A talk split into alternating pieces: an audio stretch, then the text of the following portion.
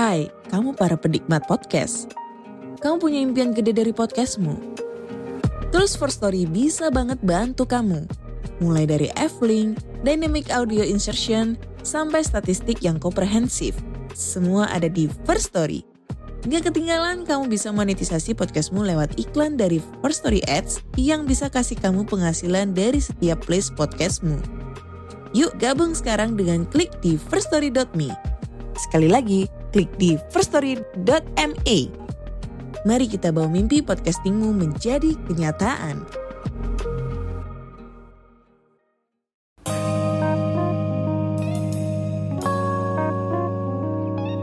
Yo guys, balik lagi bersama gue Randy Dan gue Vincent di Konspirasi Ngopi. Seruput dulu kopinya Halo halo guys, apa kabar guys? Ih, ketemu lagi nih bre Kita ketemu lagi dengan teman ngopi ya. Teman ngopi Setelah dua minggu kita tidak tag podcast ya. Yoi, yoi Oke, even kita tidak tag podcast tapi kita tetap menghibur teman-teman ngopi nih bre. Benar benar di YouTube kan kita juga habis ngeluarin konten kan Yes. Kita baru fokus di situ Buat teman-teman juga yang eh, pengen nonton Langsung meluncur ke YouTube kita Konspirasi Ngopi Di situ ada visualization podcast eh, Podcast kita yang sebenarnya udah pernah kita tag ya bre Yes. Itu eh, sejarah Illuminati Terkait sejarah Illuminati Sebenarnya itu baru part 1 Nanti ada part 2 Kalau gua ada moodnya Ini dia buat kalian yang pengen lihat yang udah dengar podcast Konspirasi Ngopi dan pengen lihat visualisasinya gitu Benar, kan. benar. Monggo mampir ke YouTube tinggal lo search aja Konspirasi Ngopi kita udah muncul di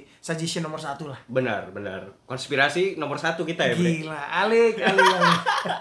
Di YouTube ya Bener-bener. YouTube, iya, Terus iya, iya, iya. sama mau ngingetin juga ya untuk teman-teman ngopi yang ada di Noise ataupun di Spotify yang pengen join live kita, kita sekarang udah mulai rutin nih. Kita nge-live Yes. itu di hari Kamis. Setiap hari Kamis malam ya Setiap hari Kamis malam. biasanya sejam atau dua jam sebelumnya sih kita eh, udah apa sih udah nggak schedule jadi ntar bakal masuk tuh notifnya ke kalian kayak gitu Bener. Dan kemarin kita appreciate juga ya dengan teman-teman ngopi di Noise itu kemarin kita uh, di live pertama itu kita nge-gain kurang lebih 140 orang. 140 Ya kan? Di yang kedua tuh kita sekitar 80 orang lah. 80 Tuh. itu itu orangnya fisik apa astral bre Astral. yang dengerin astral ya Astral. Gila, se, se sedahsyat itu kita ya bisa memancing astral juga masuk ya Asli. buat ngedengerin ya Bener-bener, karena memang gini ya Selain kita juga hebat, kita bisa mancing astral untuk dengerin gitu ya Tapi kita memang mata batin kita udah dibuka bro asli parah parah Mata batin Iya, kita udah iya, dibuka iya. oleh teman-teman Indigo lah Indigo ya Teman-teman iya. Indigo. semua Indigo ya kita Iya. nggak nggak spesifik siapa ya Enggak, nggak spesifik apa FYI aja kita ini termasuk anak-anak Indigo sebenarnya Mm-mm, Iya kan? mm-mm. Memang, memang kita kita suka berada di dalam kardus imajinasi Nah, kita memang. Kardus imajinasi, kalau Iya. kalian tahu kardus imajinasi itu seperti apa SpongeBob. Seperti SpongeBob dan Patrick Benar, Iya benar, kan? benar. Di saat mereka dalam pas banget. kardus. Berdua kan, berdua kan. Squidward yang di luar. Hei, kalian lagi ngapain sih gitu kan? Kayak Kardus imajinasi dan kita termasuk anak Indigo iya. Lu lebih baik Indigo atau Indiehoy? Eh, gue di home aja. Indihome ya Masuk, masuk Indihome Masuk, Masuk dong. Masuk. Masuk ini soalnya internet di rumah gue pakai IndiHome nih. Iya. Yang 50 Mbps. Yo, yo. Masuk awas, ya, real ya? masuk real real. Real, real. Kecepatannya oke lah, termasuk yang paling cepat di galaksi ini. Galaksi ini ya. Galaksi Bekasi. Oh, Galaksi Bekasi. Kira Galaksi Bima Sakti, anjir. Anjir. ya. Oke, Bre, eh, kita udah appreciate dari teman-teman noise yang nonton kita live gitu ya, Hmm. yang udah join kita live. Kita juga mau appreciate di teman-teman noise yang komen di episode kita gitu ya. Episode-episode kita. uh, uh, Itu luar biasa sih, responnya banyak banget gitu. benar benar. Dan di itu di setiap episode tuh banyak banyak uh, komentar-komentar ya. Eh, ngomong-ngomong kita udah berapa episode sih? Kita kurang lebih 30 deh. 30 ya? 30. Anjing udah banyak juga ya? Iya kalau di compare sama noisemaker yang lain kayak kita termasuk sedikit sih. Iya, tapi kan kita panjang-panjang. Ya. Satu episode tuh sejam loh. Durasi kita sejam. Kalau mau dibagi jadi berapa episode tuh bisa. Bisa, Bisa 90 bisa, Bre. bisa. Jadi ya termasuk banyak lah kita. Iya. Karena kan satu episode aja kita mau ngerisetnya su- susah, Pak. Bener-bener. Gitu. Jadi kapan Noise mulai membayar kita? Kapan? gue sih denger ya kemarin waktu ngikut seminar tuh kayaknya udah nggak ada harapan kan. Udah gak ada harapan Udah ya. nggak ada Oke, saatnya kita beralih berarti Iya, belum. Iya belum, sabar. Karena kan masih banyak para noise yang masih nunggu kita, Bre. Benar-benar kami cinta Iya, Noise. Kita kita cinta noise, kita cinta para para noise gitu. Nah, eh, di episode-episode sebelumnya kita rata-rata kita udah bahas apa aja sih, Bre? Ini sebelum kita masuk topik nih. Ya, kita bahas Karena kita itu. sedang kehabisan topik. Topik. Hidayat sedang main badminton. Enggak juga, bukan bukan kehabisan topik, tapi lebih ke kayak apa yang lebih yang menarik yang bisa dibahas sejam. Karena kan konspirasi ngopi itu identik sejam, Bre. Benar. Gitu loh. Sebenarnya sih bukan kehabisan ya, tapi memang kita ada beberapa episode yang akan kita tag dan Uh, episode uh, ini uh, tuh yang akan sangat luar biasa Oh iya benar-benar itu bakal jadi ini buat apa ancang-ancang juga buat teman-teman nanti ada satu atau dua tiga mungkin yang beberapa episode jadi spesial. Yang bakal kalian tuh mind blowing banget lah nanti ketika dengar episode yang ini. Karena ini butuh banyak riset. Mungkin karena kita waktu kita kekuras ke situ ya ke materi-materi yang ketiga ini ya. Yes, it Gitu. takes time. Salah satunya bocoran satu aja Atlantis. Atlantis. Wow itu kan pecah banget pak. Uh. Dan itu teori itu gokil. Kalian harus bener-bener nungguin banget itu Dan mind blowing banget lah. Gitu Siap-siap, siap-siap rekan-rekan teman ngopi. Benar benar Nah di sebelum-sebelumnya kita udah pernah bahas apa aja sih Bre? Eh, Kalau di episode-episode kita sebelumnya Kita bahas ya, gue langsung temain aja lah ya. Hmm. Ya. Temanya itu ada tema tentang Freemason. Freemason Ya. benar Terus tema sotoin lirik. Soto lirik ya Terus tema malam Jumat. Malam Jumat ya ya, kan? benar-benar benar Sampai terakhir kita nggak bahas terkait dilatasi waktu. Dilatasi waktu oke Nah, ya. Ketika kita ngetik dila- dilatasi waktu gitu Hmm. ya, dan kita live dan banyak di situ ada beberapa orang yang tanya terkait dilatasi waktu juga. Mm-mm. Tuh, di situ gue berpikir terkait portal antar dimensi yang udah pernah lo bahas, I see Oke portal antar dimensi Oke gitu. Ini mau langsung masuk aja atau gimana kita? Iya, sebentar. Jadi terkait uh, portal antar dimensi ini, Ah, is it related with time, space, and matter? Oke, three dimensional. Yes. Iya, ini oke, terkait oke. atau enggak gitu. Terkait atau enggak ya? Berhubungan atau enggak ya? Benar-benar. Sebelum kita masuk ke pembahasan ini, Bre, yes, gue minta teman-teman ngopi pertajam analisa lo. perkuat dengan Cocok cocok, slogi.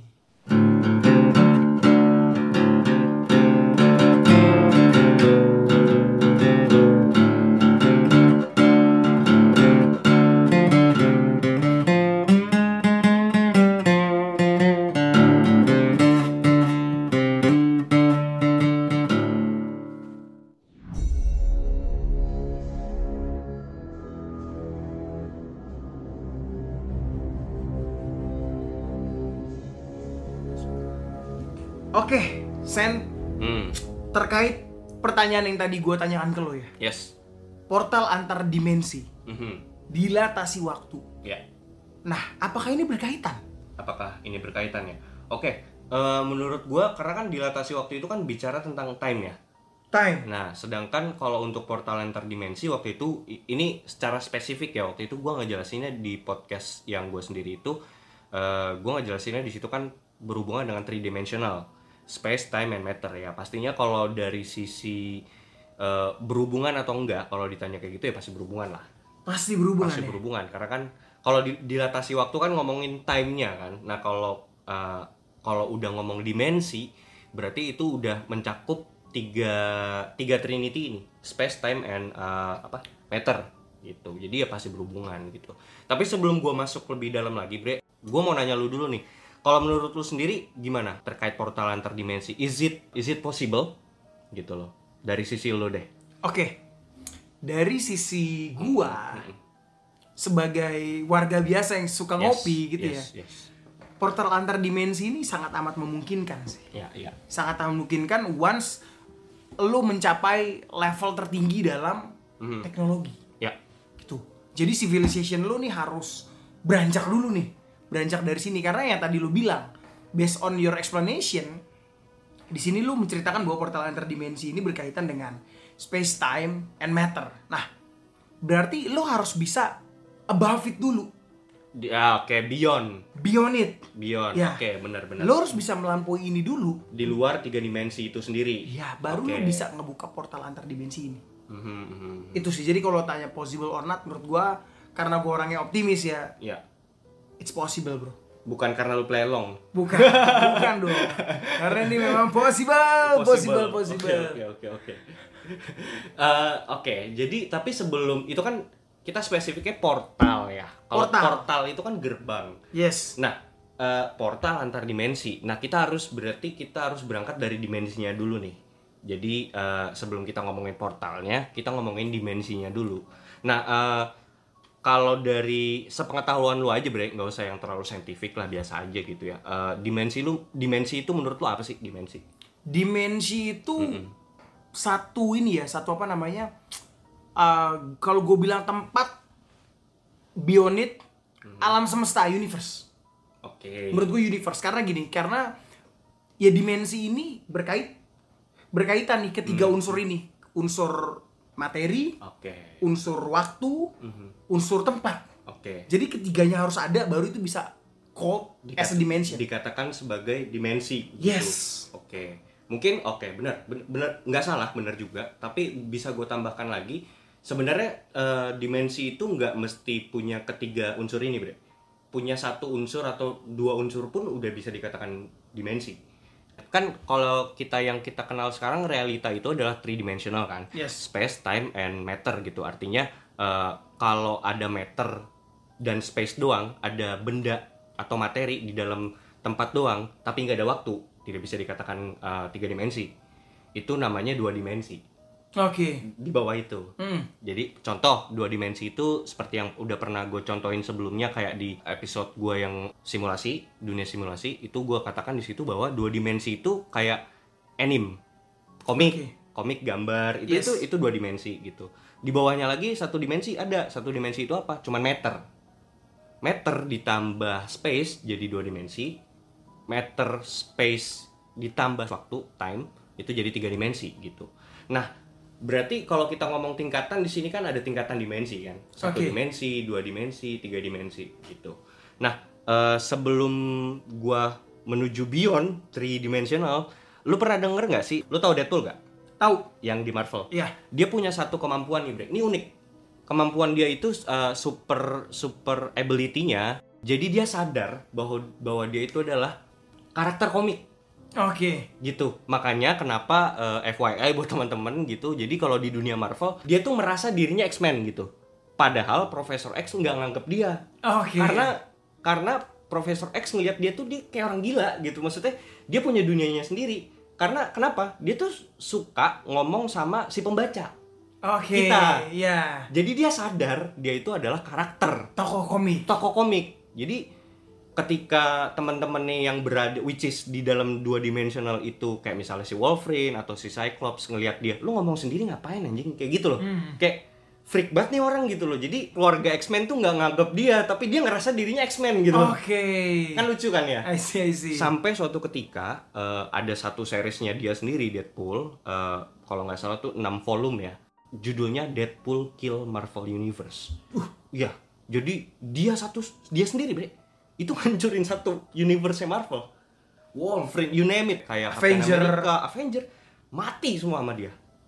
Ya nggak tahu mungkin dia pengen cari uh, uh, tantangan gitu loh level-level selanjutnya gitu sampai di titik di mana dia nggak tahu apa yang mau dibunuh lagi sampai dia bisa keluar dari uh, fourth wall fourth wall tuh uh, istilahnya kalau di Marvel itu fourth wall itu kan jadi kan kalau misal komik itu kan panelnya itu kan kotak gitu bre dia bisa breaking the fourth wall jadi dia keluar dari komik di- itu. Ah, ah, dari komik dua itu dimensi.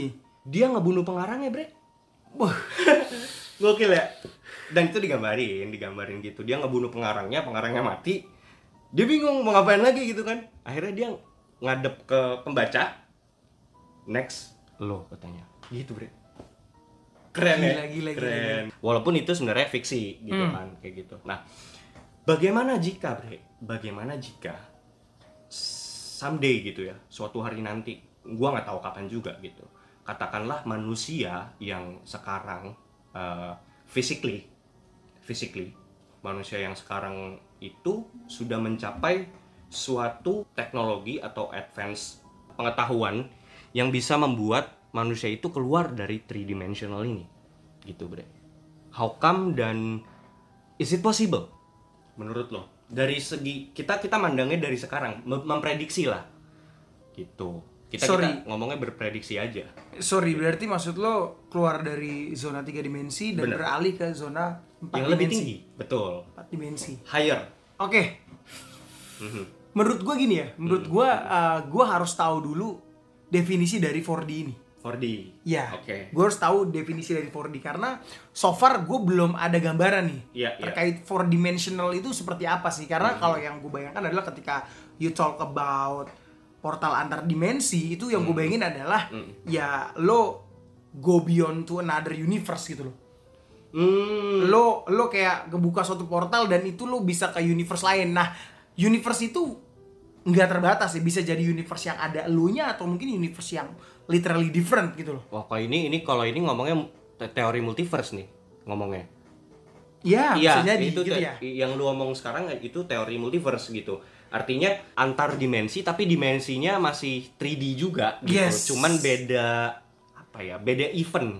Iya. Ya ini Benar, ini- benar. Iya, ini sebenarnya kalau nggak salah ini mah teorinya Dr. Mijio juga, Bre, yang dia katakan bahwa eh, past, present, and time itu adalah berjalan paralel. Artinya lo yang sekarang itu bisa ketemu sama lo yang di masa lalu dan Oke. menjalankan aktivitas berbeda-beda, bahkan punya pekerjaan yang berbeda-beda gitu loh. Mm-mm, Karena menurut gue gini ya, menurut gue saat ini mungkin akan lebih possible untuk lo mencapai itu Oke. dibanding lo keluar dari three dimensional, Three-dimensional. and you become four dimensional itu Four menurut dimensional. gue masih Masih belum ya? masih belum Oke. masih belum karena itu beyond it gitu Itu loh. beyond. lo untuk untuk menyeberang antar dimensi sama-sama tiga dimensi masih belum bisa Benar. sampai saat ini Benar. gimana lo bisa mencapai level lo untuk kayak Iya, menjadi iya, empat iya. Itu, itu itu beyond ya. beyond Itu gua. beyond karena yang sekarang kita sedang comprehend aja multiverse dulu nih. hmm, Baru sampai situ dulu nih. baru sampai situ Belum level di atasnya tiga dimensi itu sendiri. Yes. Gitu. Karena sebenarnya kalau ini sekilas aja ya. Sebenarnya kalau kita mau ngomongin eh, 4D atau di atasnya 3D katakanlah itu. Ini sebenarnya eh, satu teori yang sudah sudah di pernah dibahas juga sih di Marvel Avengers ya. Tesseract.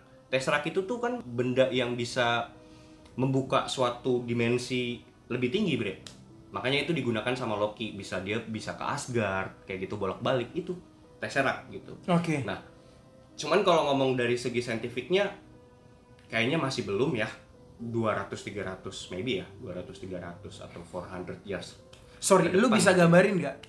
Uh, four dimensional itu menurut lu seperti apa sih? Nggak nggak nggak bisa. Gue Nggak bisa bisa, ya? karena gue ya gimana ya maksudnya? Tapi sejauh ini sejauh ini ini se- se- eh, cuman sekilas teori ya. Iya pemahaman lah. Pemahaman cuman sekilas pemahaman dan teori. Ev- even sampai sekarang pun gue juga belum bisa komprehensi bre. Karena gimana ya? Yang dikatakan sebagai four dimensional itu aja sepengetahuan manusia manusia sampai ini hanya bisa di film di Interstellar. Yang ketika Cooper itu masuk ke dalam black hole dia masuk ke dalam eh, terserap ke black hole terus masuk ke dalam singularity. Nah di singularity itu adalah four dimensional katanya. Oke. kata si eh, siapa? Christopher Nolan. Christopher Nolan. Kata Christopher Nolan itu dia masuk ke dalam four dimensional tapi itu kan dia as a pengarang dia bisa ngomong apa pun dong gitu. Tapi kalau secara teori katakanlah itu yang mendekati lah. Four dimensional itu seperti itu. Di mana gue bisa menggambarkan dengan lebih mudahnya adalah suatu tempat suatu ya suatu dimensi lah gitu. Adalah suatu dimensi di mana space time and matter itu udah nggak berlaku. Artinya nggak berlaku tuh gini hukum yang mengikat di dalam three dimensional itu menjadi karet di four dimensional. Uh, jadi time uh, waktu itu bukan hal yang bisa lu alami lagi tapi lu di luar waktu dan lu bisa lu bisa melihat jalannya waktu gitu loh. Oke. Jadi semacam mungkin bisa bahasa mudanya tuh lu kayak semacam lu bisa nonton TV gitu lu bisa ngelihat waktu lu dari bayi sampai lu mati. Bahkan eh, timeline mana pun nih di dunia ini gitu bahkan mungkin bisa lu lihat eh, penciptaan dari awal penciptaan bumi sampai nantinya kiamat katakanlah seperti itu ya gitu di dalam eh, 4D karena time udah bukan jadi yang mengikat lo lo berada di luar waktu makanya waktu bisa kelihatan jelas gitu loh dari awal sampai akhir gitu oke sorry Mhm. let us break it down ya yes coba kita bedah. Mhm. Kita bedah gini. Lo tadi ngebahas terkait uh, one one dimensi. Yes. One dimension. One dimension. Ya, two dimension, Yes. three dimension. Three nah, dimension. perbedaannya adalah dimensi pertama itu lu cuma butuh Cuman meter. cuma meter. Meter aja. Iya. Nggak ada space, nggak ada time. Oke. Oke. Di yang kedua, Mm-mm. lu butuh meter Uh, sama space. Ya, space meter. Ya, itu lu jadi dua dimensi. Iya, tapi nggak gerak barangnya. Oke. Yang ketiga, lu butuh ketiganya Betul. untuk lu Trinity. menjadi satu makhluk 3D. Gue tahu arah lo nih. Gua Yang tahu. keempat, Aha. ketika lu tidak butuh itu semua berarti lu empty. Bukan tidak butuh. Iya, tapi Ada sat- beyond it. Lu you, you beyond, tapi lu tetap butuh tiga itu. Ada satu unsur lagi tambahan. Nah itu yang kita nggak tahu, bre. Paham nggak? Oke, nah kan berarti gini. tiga unsur kan, Hmm. space, time, meter. Nah kalau lu for four dimensional berarti sat- nambah satu unsur nih. Nah ini nih yang kita sampai sekarang masih belum bisa comprehend apa gitu Oke, loh. soalnya gini, dari pembahasan lo tadi ya, dari Aha. pembahasan lo tadi, Aha. ketika yang nomor dua, yang dua dimensi itu tidak terikat waktu. Tidak Ya karena dia tidak butuh waktu dong. Berarti dia tidak terikat waktu dong. benar. Ya oke, Iya. kita sepakat di situ ya. Tapi dia tidak beyond waktu itu. Iya, tapi dia tidak terikat waktu. Benar. Oke, dia tidak Iya, terikat waktu. iya. Ah, seperti lu gambar lukisan lah, lukisan. Ya lukisan tidak tidak butuh waktu kan? Lu di mine udah itu ah, time freeze di Iya, situ. butuh dia cuma butuh space aja. Iya. Meter space udah. Oke. Ya kan? Nah, yang ketiga Mm-mm. itu butuh ketiganya. Ya. Butuh tempat, Physically. butuh materi, Badan kita, ya butuh apa namanya waktu. waktu, Nah. butuh. Ketika lu ngomong yang keempat, lu beyond it. Yes. Menurut gua ketika lu udah ngomong beyond, you don't need time dong. Hmm, Karena lu beyond. enggak bukan pemahaman yang tidak membutuhkan, Bre. Har eh, kita di beyond itu bukan berarti Lu tidak bisa butuh. control time. Iya, Control. iya itu maksudnya. Ya, Iya, oke. itu maksudnya. Gini, how can you control time? Bagaimana lu bisa mengontrol waktu? Oke. Ketika lu masih butuh itu, men. Hmm. Ketika lu butuh waktu, butuh waktu untuk hidup. You cannot control it, bro. Karena iya Tapi gitu. ketika lu bisa milih waktu mana aja, it means lu tidak terikat dan lu tidak butuh. Lu tidak terikat betul tidak terikat. dan lu tidak tidak butuh. Tapi pertanyaannya ada waktu nggak di situ? Ada waktu ketika lu Nah. mau ketika lu mau masuk. No. Ketika lu mau masuk kan Gini. lu, lu pilih timeline masuk. Nih dong. seru nih, panas Iya kan, nih. kan? kita debat nih. Ini ya, oke. Gini gini. Eh, kita kita kita kita ini ya coba Iya, sinkronin oke. ya. Kita Kita coba sinkronin, sinkronin ya. Di dalam 4D yang yang sepengetahuan gua aja ya, Hmm. sepengetahuan gua sesotoinya gua aja ya. Artinya gini, eh beyond bukan berarti tidak butuh waktu. Karena kalau misalnya lo nggak nggak ada waktu, ya lo nggak bisa gerak, men. Diem. Oke, gini. Nah, Ketika dia milih, ketika dia sedang memilih waktu ya. yes, Ini kita uh, let us imagine. yes. Sama-sama teman-teman bayangin ya. Benar. Ketika kita ketika si orang di Interstellar itu Ya, si Cooper katakanlah. Cooper ini, ini itu- kita pakai skenario nya itu aja ya. ya. Ketika ketika si Cooper tadi memilih waktu, Hmm, hmm, dia saat-saat dia sedang milih Ya. waktu apa yang dia jalanin. Apakah waktu itu frozen, membeku?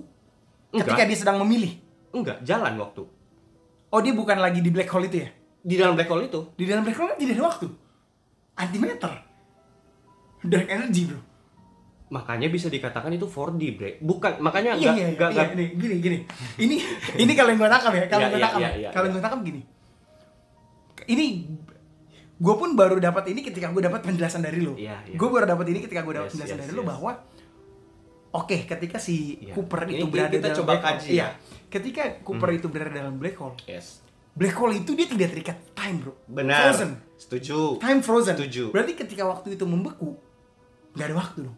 Karena membeku, membeku waktunya. Waktu Freeze, ada tapi dia oke, freeze. oke, oke. Di situ lu bisa pilih.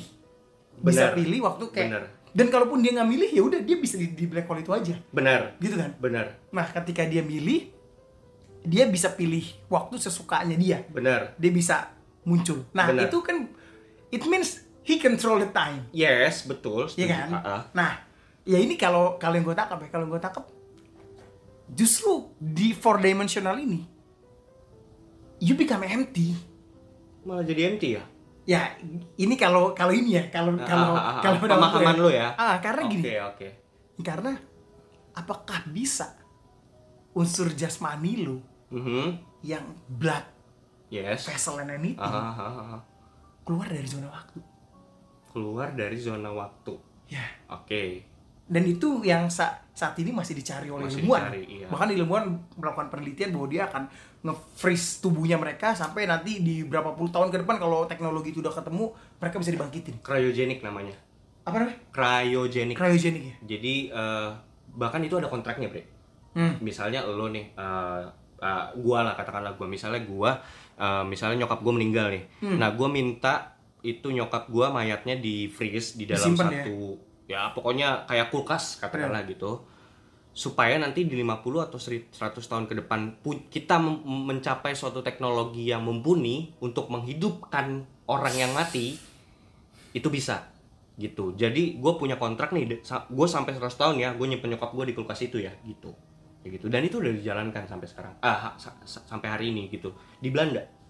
Kayak gitu. Dan ada bre yang Wow. menggunakan itu. Wow. And it's expensive. Very expensive. Iya gitu. Dan kita balik lagi ya ke, Iya. ke tadi. Ini seru banget ini seru, ini seru. banget seru, bahkan seru, gue seru, dari seru. penjelasan lo terkait cryogenik tadi Heeh. gue dapat satu pemahaman terkait four dimension. Oke. Gue dapat satu pemahaman baru. Oke, oke. ya ini maksudnya terlepas dari apa namanya terlepas dari agree to disagree aja. Ya ya ya. Ya. Mau lo dulu atau gue dulu? Lo dulu aja. Oke. Pemahaman gue ketika lo tadi ngomongin terkait yang tadi sorry sorry. Yang tadi kita bahasnya eh, four dimensional itu ya? Hmm. sampingin dulu. Iya. Ya, lo. kan four dimensional you become empty tadi menurut gue menurut lo? Ya you become you become empty lo bukan lagi menjadi satu materi Mhm. bukan lagi menjadi suatu you beyond. Iya, bukan menjadi satu space, bukan lagi lo terikat dengan waktu. You become data. Data anjing. Lu ketika lu punya data, men, ya, ketika lu menjadi menjadi suatu data, lu tinggal milih beri data ini lu mau ke mana. anjing Just like YouTube, bro. Gue pernah nonton YouTube. gue memang suka masa lalu gitu ya. Gue suka searching di YouTube. New York 1970, Jakarta 1970. Gue suka nge-search itu. Dan di situ banyak orang yang komen gini. Kok kita di YouTube ini seperti ada di ruang dan waktu ya, ruang dan waktu yang berbeda. ya? Kita bisa melihat mereka jalan. Kita bisa mereka, melihat mereka kayak hidup padahal mereka udah mati. Mhm, mhm. Dan saat ini pemahaman otak gua yang bisa gue pahamin adalah ketika lu mau keluar dari zona waktu, lu udah nggak bisa terikat dengan tubuh ini, men. Hmm. Tubuh lu udah haprah, lu akan mati. At the end. Tapi ketika you become a data, oke lu bisa ke mana aja, men. you beyond You beyond. Kenapa gua nggak kepikiran ke situ ya? Padahal sebenarnya ini kan uh, sesuatu yang udah pernah kita bahas ya sebelumnya. Maksudnya John Wheeler tuh pernah ngomong bahwa uh, fisik itu fisika itu adalah hamparan probabilitas Hmm. which is dia bisa dia ngomong itu konteksnya konteksnya adalah ketika dia ngomong dunia di dalam simulasi. Dia ngomong komputer gitu. Jadi ya dia bisa bilang bahwa sebenarnya fisik itu molekul atom bla bla bla ketika di di di bla bla bla semakin kecil semak, ke partikel yang paling kecil itu cuman data hamparan probabilitas Wow. gitu. Jadi sebenarnya fisik yang kita anggap fisik literally bukan fisik data aja jadi kumpulan data program gitu. Itu itu katanya John Wheeler gitu. Dan iya iya bisa. Iya iya setuju sih gua. Kalau misalnya lu bilang data iya setuju gua gitu. Cuman mungkin data adalah eh, pilihan kata yang tepat yang sampai sekarang yang bisa kita pahami ya. Ya, gitu loh sebenarnya. Se- sebenarnya beyond sih sebenarnya. Cuman sampai sekarang otak kita tuh bisa nyampe ya kita bisa bilang itu data lah gitu. Tapi mungkin mungkin ini sotonya gua doang ya bre. Mungkin yang bisa dimaksud dengan data itu adalah soul gitu loh soul itu sendiri ya maksudnya jiwa ya. jiwa Karena gitu. jiwa kita kan ada beratnya, men. iya iya jiwa itu ada beratnya dan Ada beratnya. Iya, dan ini kalau kita ngomong-ngomong dari beyond 3D, ya berarti kan ada 4D, 5D, d- bla bla bla. Kita nggak tahu ya tingkatan-tingkatannya. Bahkan yang gue tahu pun eh, di beberapa agama samawi sekalipun surga itu ada tujuh tingkatan. Oke. Iya nggak? Iya. Eh, mitologi Nordik, Yggdrasil, tujuh eh, pohon, pohon kehidupan itu ada tujuh tujuh realm tingkatan gitu. Jadi yang paling rendah itu neraka lah apa gitu, yang paling tinggi ya Valhalla gitu. Ya di banyak mitologi percaya bahwa ternyata ada layer di situ, ada tingkatan realita. Ting- tingkatan realitanya itu ada tujuh, ada katakanlah. Tapi kebanyakan tujuh sih, Bre. tujuh. Entah kenapa gitu. Maksudnya even di Samawi pun bilang langit ketujuh surga tuh ada Benar-benar. langit ada apa ada ting- tujuh tingkatan gitu. Ya mungkin eh, kalau di pemahaman samawi itu kayak misalnya God di tingkatan satu gitu tingkatan duanya tuh ada kerub terus tingkatan tiga tuh ada malaikat angels angels yang B aja gitu kan ya kan? Terus, ya kayak gitulah gitu. Tapi artinya gini em, ini beyond sih. Artinya maksudnya kalau kita mau ngomong data mungkin komprehensif otak kita sampai sekarang kita bisa nyebut itu data. Bagaimana jika data itu adalah soul itu sendiri atau em, entity yang tidak membutuhkan vessel tubuh, eh, tidak membutuhkan meter, tidak membutuhkan waktu, tapi mereka bisa kontrol itu gitu loh. Mhm. Iya kan? Kayak gitu. Ya, iya metafisik gitu. Ini udah udah ngomong God, udah ngomong angels, udah ngomong demons gitu loh, jin gitu. Gitu sih. Tapi gue gue coba kembali lagi ya, coba coba coba coba coba kembali lagi ke yang tadi. Em, kalau misalnya tadi yang kita bilang itu 4D itu tidak membutuhkan time, space, and matter, enggak juga, Bre. Masalahnya ini kan konteksnya kalau kita ngomong dari punyanya eh, apa tuh? punyanya Interstellar tuh. Mhm. Konteksnya kan di di situ dia gerak gitu loh. Tapi kan kalau mau kita ngomong logiknya dia gerak. Kalau gerakan itu kan butuh waktu, Bre. Bener. Gitu loh. Jadi Bener, bener, bener. gitu loh. Iya, tapi di black hole sendiri tidak ada waktu. Tidak ada waktu. Iya. Tapi dia gerak. Nah, iya iya iya, paham paham. Iya Cuma kan? gerak geraknya mungkin gini men. Mungkin kalau yang gue tangkep ya, Hmm. yang gue tangkep, kenapa tadi gue tiba-tiba bisa menyimpulkan kayak Yes, yes. you become a data? Karena gini, Aha. karena lo akan menjalani realita lo. Ketika lo ada di black hole, lo hanya akan menjalani realita lo. Di situ lo gerak, yes. But you are the only one that know you are moving. Cuma lo satu-satunya yang mengetahui bahwa lo bergerak. Ya. Gitu. Oke. Lo bergerak tapi tidak ada orang yang melihat. Mhm. Gitu. Kalau dari sisi logik, lo bisa mengetahui bergerak ketika lo mengetahui ada sesuatu yang tidak bergerak.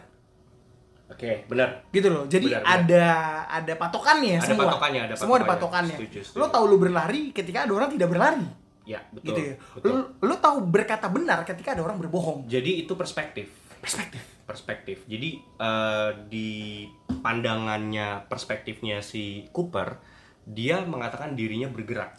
Padahal belum tentu. padahal belum tentu Oke, ya Gitu. paham paham. Jadi ya anjing beneran karet pak. Ini tuh karet relatif anjir. Maksudnya kalau dibilang sama Einstein time is relatif, ih karet pak. Waktu itu relatif, juga space itu relatif. Jadi segala-galanya tuh bisa jadi relatif di four dimensional. Bisa gue tarik gini bre. There is nggak ada suatu hal yang hakiki dan pasti di space tersebut ya di di di four dimensional itu. Jadi yang lu bilang itu adalah fisik dan pasti katakanlah satu tambah satu sama dengan dua di situ belum tentu. Probabilitas. Probabilitas. Satu tambah satu bisa sembilan loh di situ atau bahkan ada bisa delapan tujuh enam lima gitu loh. Maksudnya it's beyond your comprehensive mind yang ketika otak lu tuh harus nyantol sama sa- sesuatu yang pasti gitu loh I see Nah, tapi ketika di four dimensional tidak kayak gitu.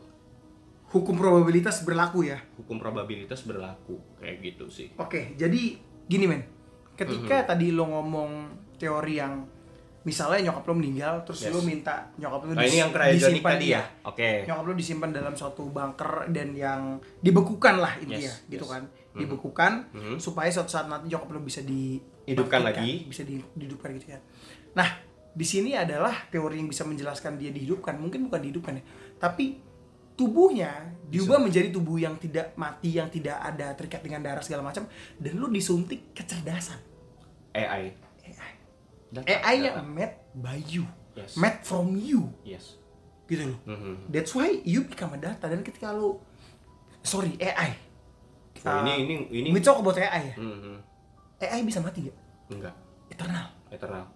Se- eh, se- selama syaratnya ini ya, selama yang mengenerasi AI tersebut itu tidak mati juga. Iya. Artinya di situ ada fuel, Ada energi. ada energi. Yes. Nah, eh, kalau mati, ya mati ya, mati juga Ya. AI-nya gitu loh. But they can charge himself. Iya. Mereka bisa nge-recharge. Recharge. Recharge-nya by battery dan maksud gue gini. Lu nggak busuk. Ya, betul. Beda sama daging manusia, men. Betul, betul. Manusia, lu tua, lu darah segala macam. Lu kan membusuk. Wah, ini hubungannya sama immortality nih, men. Immortality. Loh, Immortality. lu setuju nggak?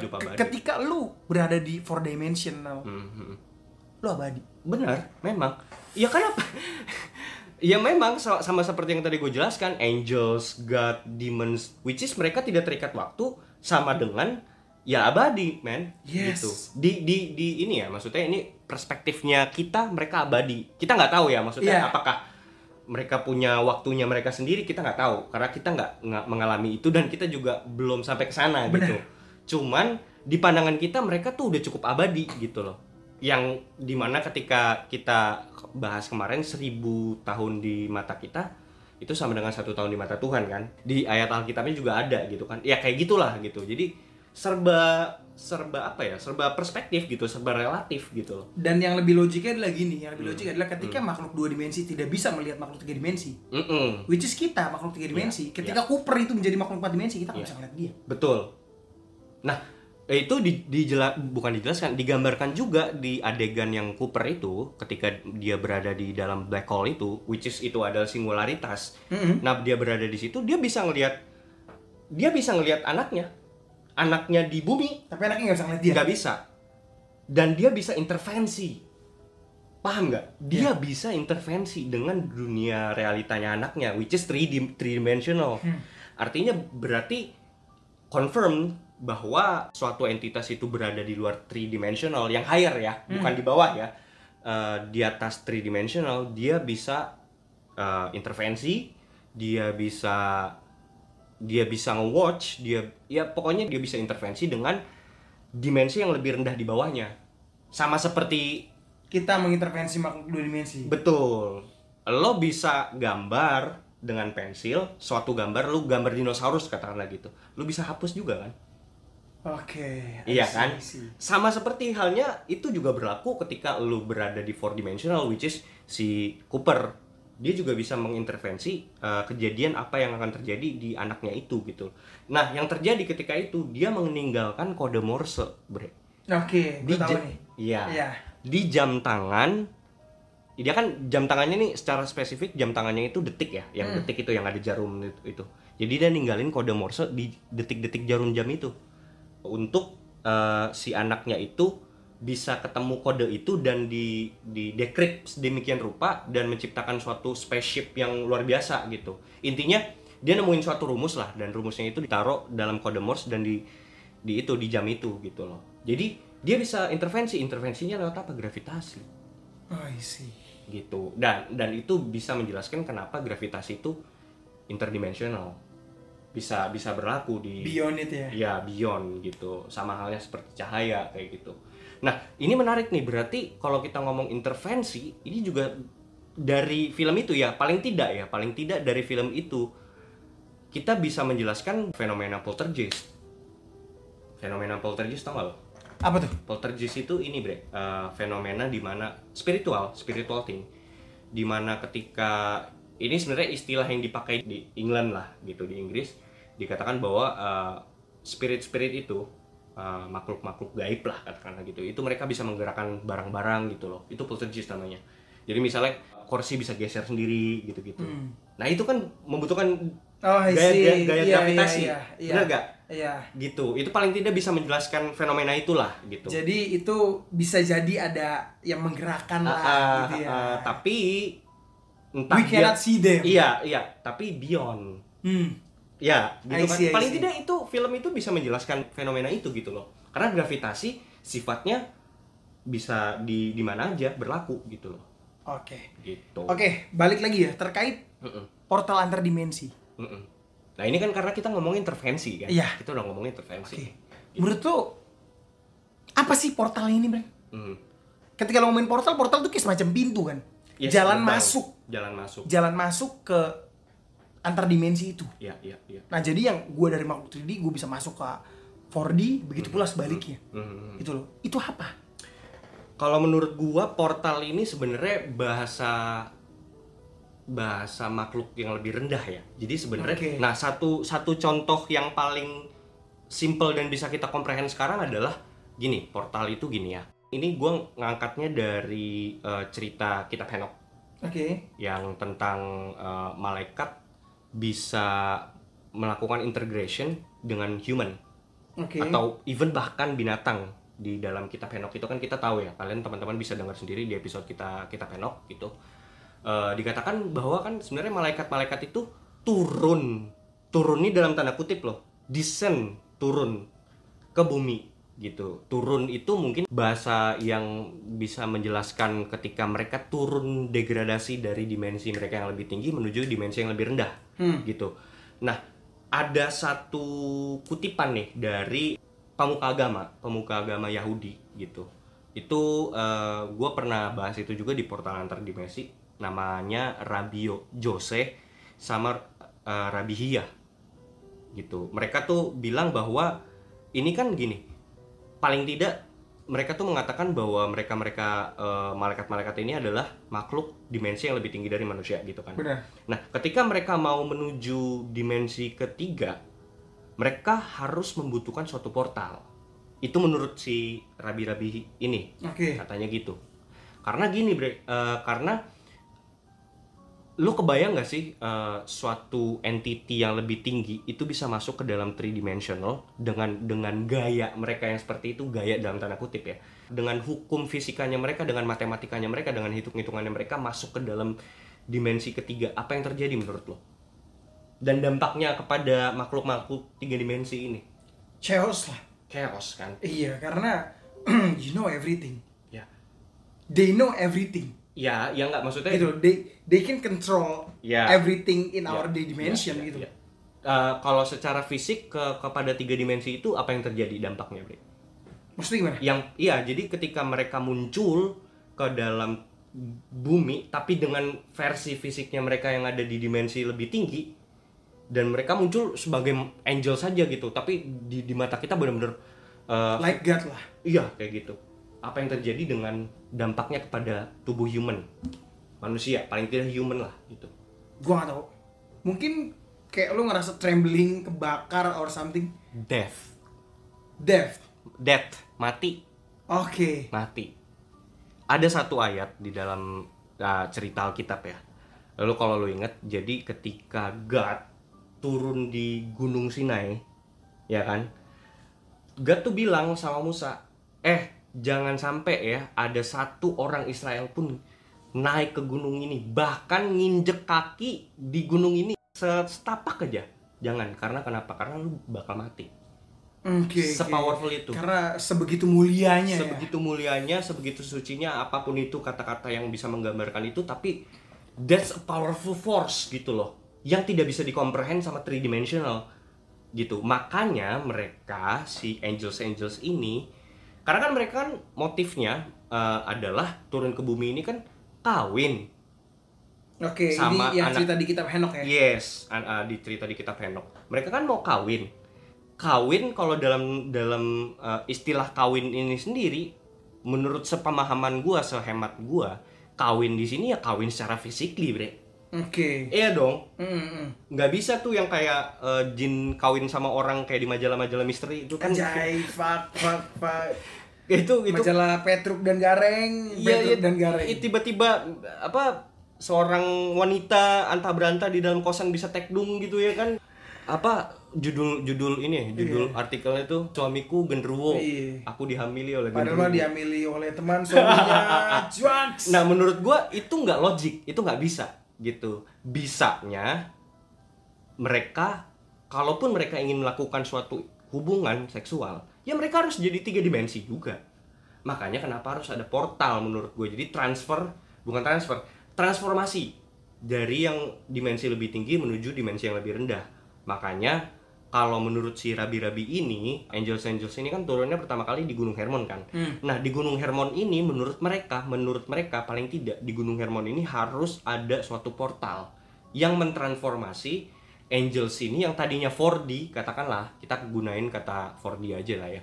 4D bisa menjadi 3D, menjadi fisik secara fisik gitu bre, yang bisa diraba, dilihat sama manusia gitu, menggunakan suatu portal gitu. Oke. Dan itu mengkonfirm, itu mengkonfirm suatu istilah juga. Eh, gunung itu dikatakan, jadi ketika itu ya orang-orang zaman dulu, Gunung Hermon itu dikatakan sebagai tempat terkutuk katanya, gitu. Oke. Kenapa? Karena ya itu kejadian itu desainnya angels angels ini yang melakukan pemberontakan itu makanya dianggap tempat terkutuk nah kenapa dianggap terkutuk? Ya karena ada suatu portal itu loh gitu. Portal yang bisa ini kan kita nggak tahu ya maksudnya apakah portalnya cuman berlaku sama si angels ini atau bisa sama entity lain bre? I see, I see, gitu. I see. bisa jadi bisa jadi ini membuka suatu portal ke universe lain atau atau katakanlah neraka mungkin ya kan? Dan makanya kenapa orang-orang di sekitar situ mengatakan Gunung Hermon ketika itu adalah tempat terkutuk gitu gitu Oke. gitu sih Bre Jadi based on your explanation, Mhm, portal antar dimensi ini mhm. gunung. Atau lebih tepatnya Gunung Hermon.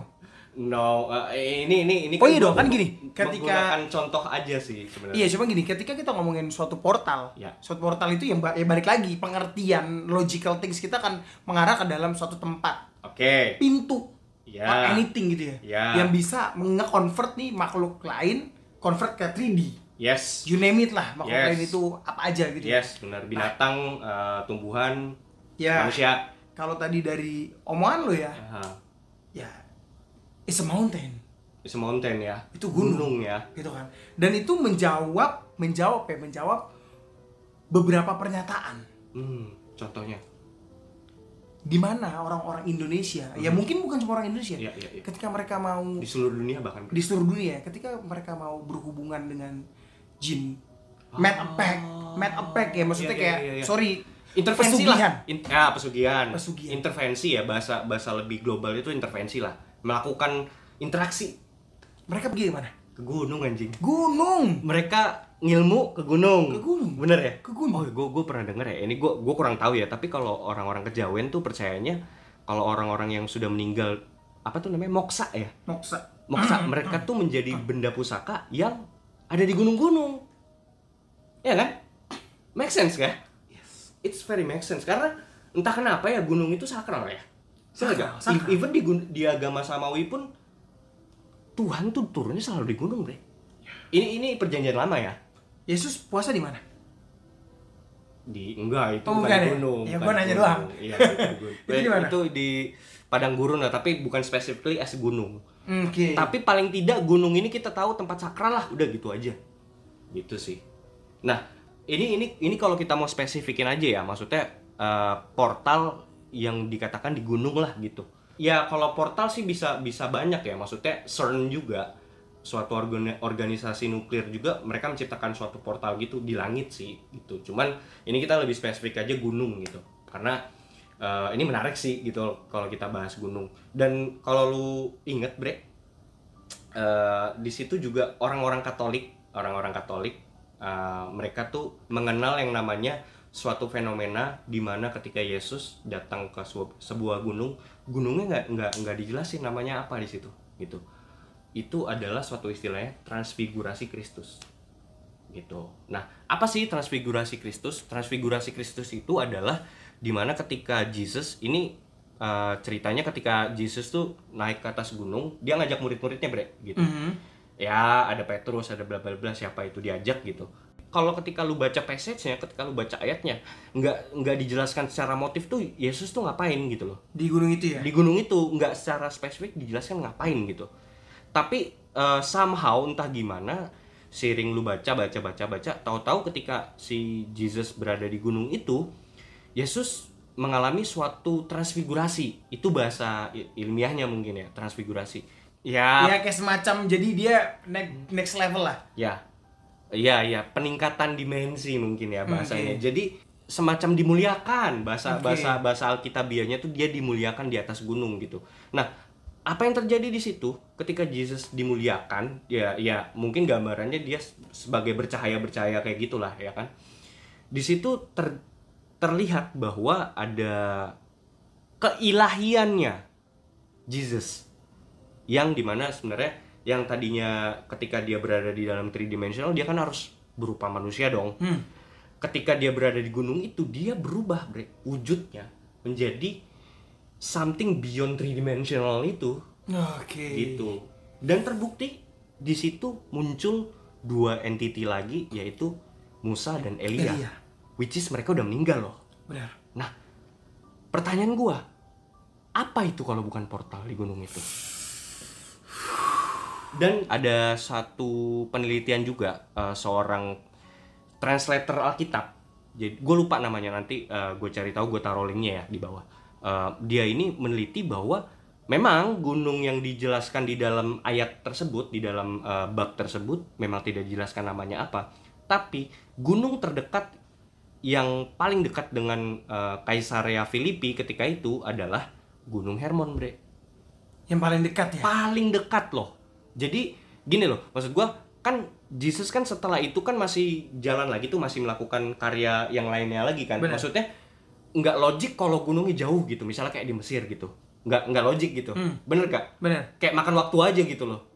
Paling tidak harus ada gunung di terdekat. Nah, ketika diteliti pegunungan paling dekat dengan Kaisarea Filipi ya itu Gunung Hermon. Gunung Hermon ya.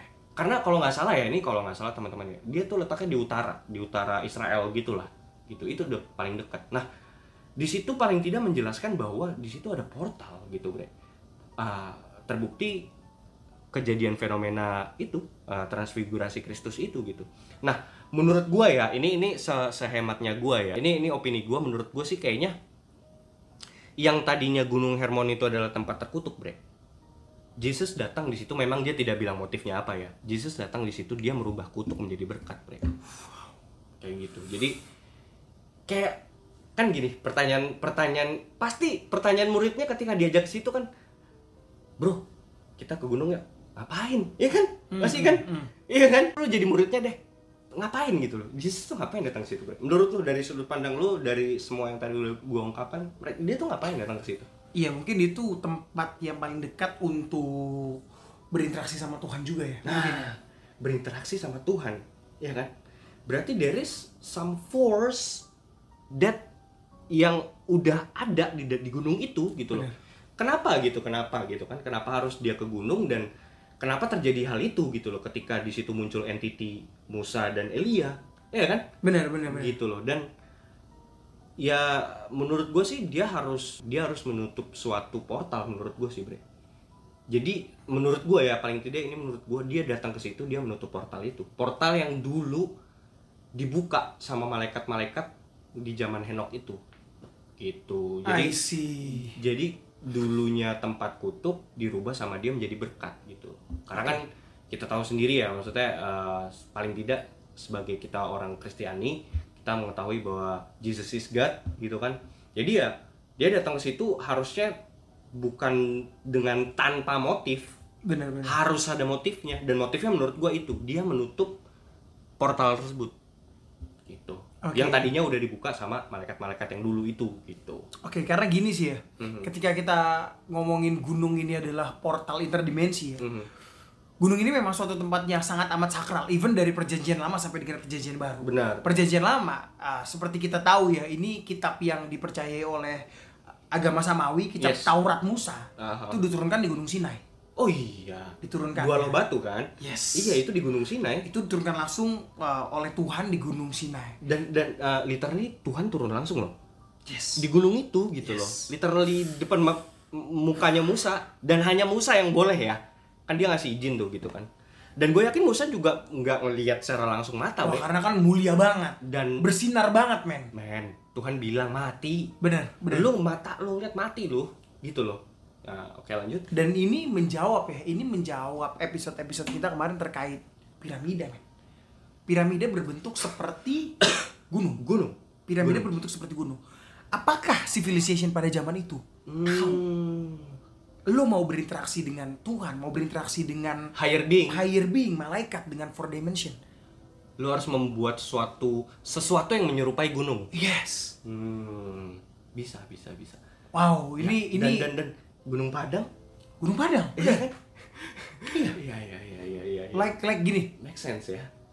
Oke, ketika lo ngomong tadi di gunung itu suatu makhluk bisa menampakkan diri sebagai three dimensional, sorry, banyak kejadian kok ketika lo difoto.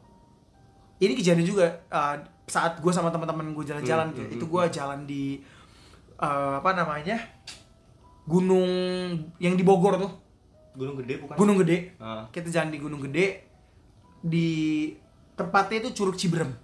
Oh ini cerita pribadi lu tentang intervensi spiritual. Iya. Oke. Di lanjut. Curug Ciberem itu ketika gue sama teman-teman gue jalan ke sana kita nanjak sebentar dan kita hmm. mandi di Ciberem itu. Hmm. Di situ kita foto-foto pulangnya. Hmm. Di situ ada salah satu foto yang aneh banget yang itu muka teman gue cewek itu full keganti dengan muka makhluk lain. Dan Dan- ini 100% real. Dan gue lihat waktu itu fotonya. Gokil sih anjir. Gua nggak gimana ya? Mau per- nggak percaya tapi Ada. ada tapi ya gue nggak bisa ngomong gitu loh. Dan gua- bingung gua. Sorry, gue orangnya logik banget ya. Iya, gue iya, sempat sempat bilang ke teman gue memang jago fotografi. Dan itu ke beberapa orang bukan satu dua orang. Iya. Sampai dia ngomong, gue tanya ini efek kamera bukan? Entah Hmm, kameranya salah nge-capture atau apa dia bilang enggak men. Nggak ada salah capture kamera tuh seperti ini. Pastinya, pasti kan kita kan sebagai manusia yang berlogika, kita kan selalu eh, punya kecenderungan untuk mematahkan sesuatu yang nggak masuk akal menurut kita ya kan. Tapi gimana pun caranya lo mau, mau mematahkan itu enggak, nggak bisa. Anjing ya, gokil sih. Dan ini kalau diterangkan secara metafisika, Heeh. ya bisa. Bisa, Ya itu bisa. tadi. They are from another dimension. from another dimension. Dan mungkin di gunung itu, mungkin mereka bisa menampakkan diri di mana saja gitu ya. Hmm. Tapi mungkin di gunung itu ada there is something material ya or you name it lah. Aha. Ya mungkin membuat itu jadi lebih mudah, ah, paling tidak lebih mudah lebih mudah di gunung ya. di gunung. Iya, banyak sih karena banyak banyak banyak cerita, banyak mitologi. Kayaknya hal-hal sakral terjadi di gunung. Iya, iya gitu sih. Dan itu gunung ya, Bre. Dan eh, kalau kita tahu kayaknya bukan cuma gunung deh, laut juga deh. Tapi kalau laut ntar next episode kita Next episode. kita kita akan ceritanya tuh di Atlantis. itu lebih dalam lagi gitu kan. Oke. Tapi iya iya. Penutup dari lo Sen. Kok dari gua sih anjing? Apa ya? Ini kan kita ngebahas terkait episode yang pernah lo take gitu kan. Iya, nah, ini iya, karena iya, ada iya, iya, karena ada apa namanya kaitannya dengan dilatasi waktu, ini jadi sangat amat menarik nih. Jangan jadi jadi gue pengen jadi- jadi pengen ya. iya, jadi gue pengen pengen dapat insight dari lo lah. Ya, ya. Insight sebagai penutup lah. Iya. Tapi sebelum penutup, ini FYI aja. Jadi even bahkan jadi Freemason break itu mereka punya satu token itu logam ya, eh, koin yang mereka tuh menggambarkan Gunung Hermon. Entah kenapa. Gitu. Asumsinya gue nggak tahu apa gitu. Tapi kenapa gitu? Maksudnya dari sekian banyak gunung dan spesifik Mount Hermon gitu. Dan itu nama lodge, nama loji. Mount Hermon gitu. Jadi mereka tuh kayak mensakralkan gunung itu gitu entah kenapa.